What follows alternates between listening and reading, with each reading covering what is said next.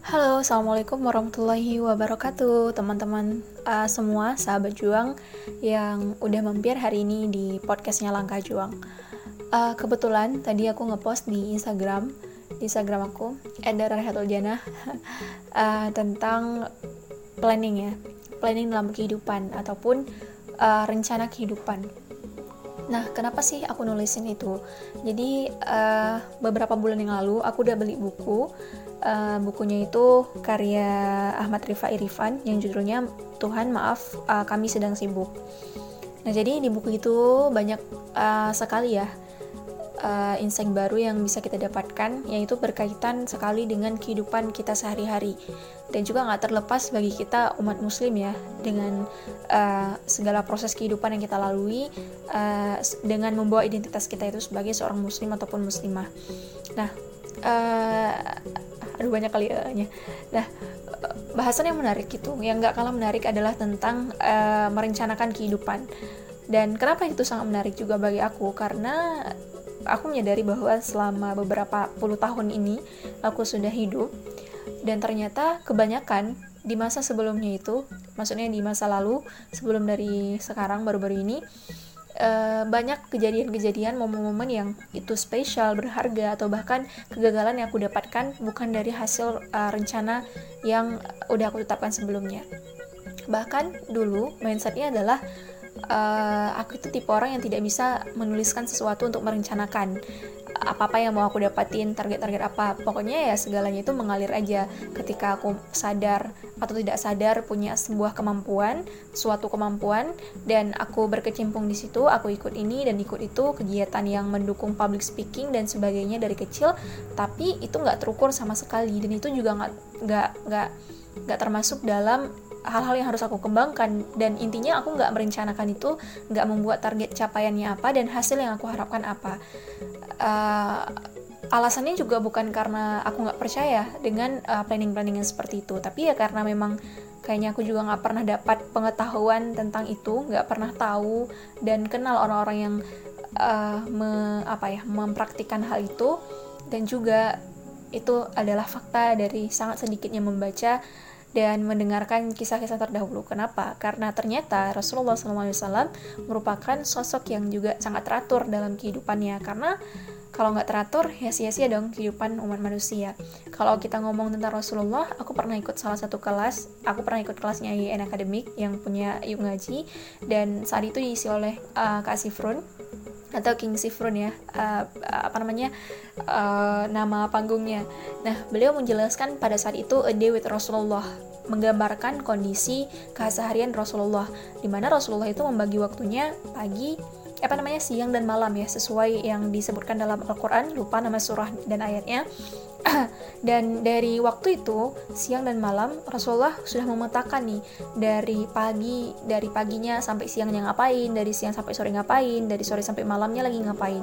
Bahkan terukur dengan sangat jelas dan juga ada inti-inti yang memang ingin dihasilkan dari apa yang dilakukan oleh Rasulullah Uh, nah itu aku juga udah nulisin di blog aku. Nanti kalian bisa berkunjung. Ini banyak kan kebanyakan promosi ya.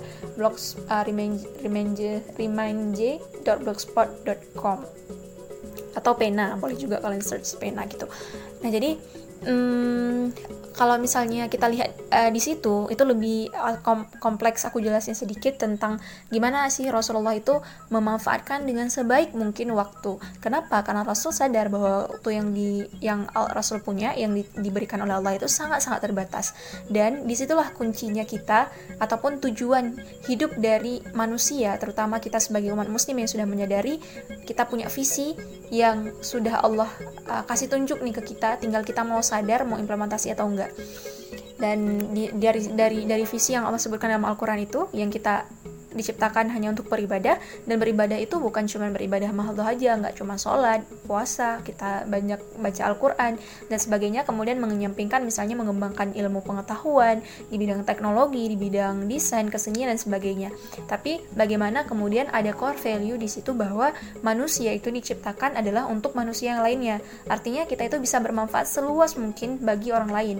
Dan manfaat itu nggak hanya terfokus pada satu hal aja tapi pada banyak hal.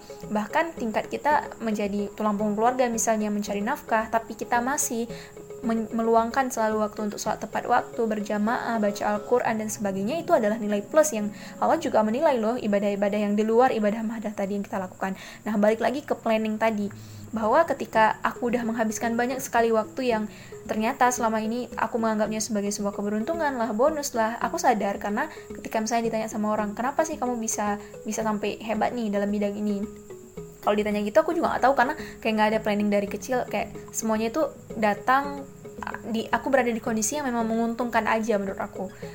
Atau mungkin ada hal yang aku nggak sadari aku persiapkan bisa jadi. Karena makin ke sini makin dewasa makin ada persiapan tentunya ketika ikut sesuatu ataupun mengembangkan sesuatu. Cuman yang aku tidak bayangkan dan tidak lakukan itu adalah benar-benar merencanakan apa sebenarnya yang mau aku lakukan apa target yang aku ingin tuju. Contoh simpelnya adalah ketika aku meliput uh, apa namanya membuat sebuah podcast dengan salah satu narasumber yang beliau itu luar biasa pastinya.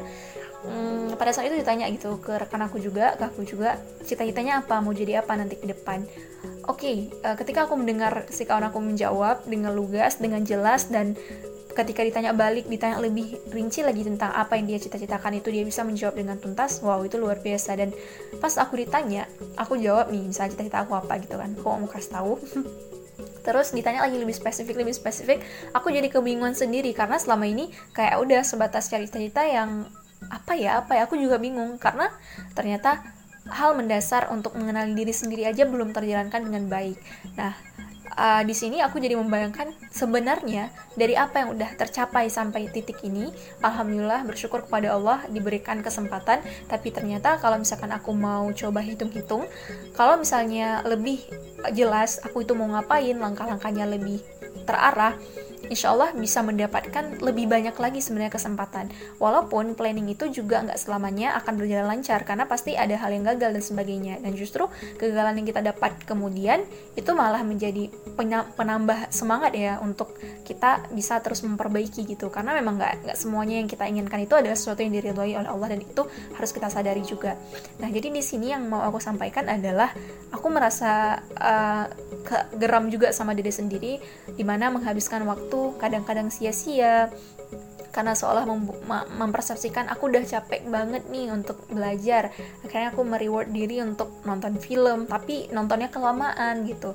Bahkan mungkin sampai nggak tidur hanya untuk nonton film tapi kalau misalkan untuk ngaji untuk belajar untuk hal lain yang lebih jauh bermanfaat bagi banyak orang malah justru aku batasin waktunya dan sebagainya. Dan itu terjadi karena pengulangan di setiap harinya juga bukan pengulangan yang rapi gitu.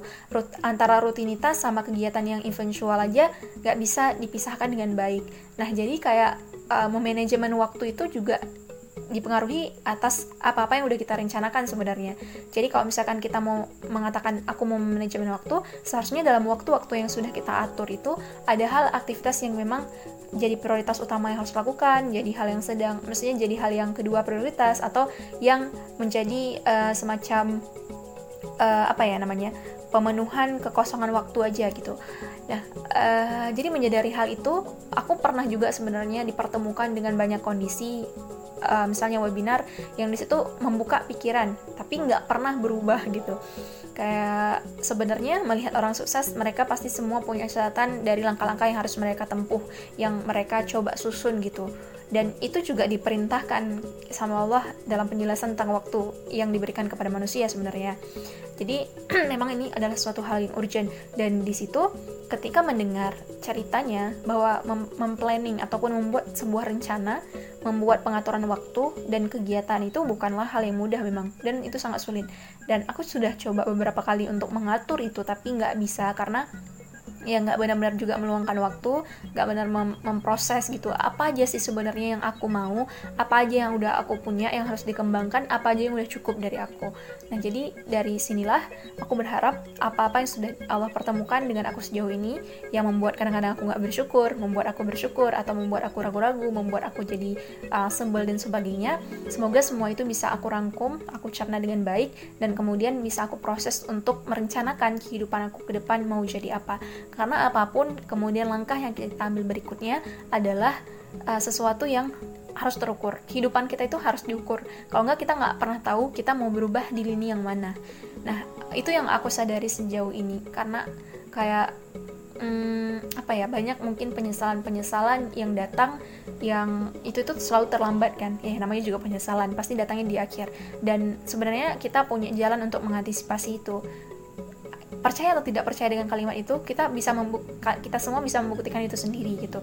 Dan karena aku udah berkali-kali berjumpa dengan penyesalan-penyesalan akibat dari kelalaian aku sendiri jadi aku benar-benar merasa bahwa wah kamu ini udah keterlaluan loh sama diri kamu sendiri gitu.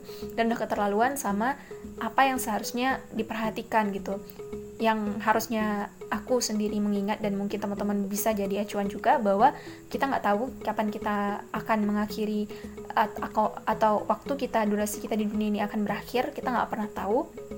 Karenanya kita mau mulai proses yang kita lalui terlepas dari hasil yang kita capai itu sesuai tidak sesuai dengan ekspektasi, sesuai tidak sesuai dengan apa yang seharusnya, semua itu juga tetap bernilai. Allah menilai, kita juga tetap dapat value dan kebaikan dari apa yang udah kita lakukan. Jadi uh, aku bersyukur bisa baca buku ini dan aku saranin juga teman-teman untuk baca buku dari Ahmad Rifai Rifan yang judulnya Tuhan maaf kami sedang sibuk. Karena nggak cuma tentang planning itu bahkan matematika karir dijelasin di situ juga gimana mindset kita uh, terhadap memandang banyak hal. Dan juga serunya buku ini adalah beliau ini menyampaikan nggak cuma dari sudut sisi agama referensinya Al-Quran aja atau sunnah aja atau ijtihad dan sebagainya tapi juga banyak sekali pandangan-pandangan dari buku-buku yang bahkan itu tuh punya orang-orang luar negeri dan juga tokoh-tokoh yang tokoh-tokoh di luar negeri. Walaupun mereka non muslim tapi hal-hal yang bisa kita contoh dari kekuatan atau etos kerja mereka itu bagus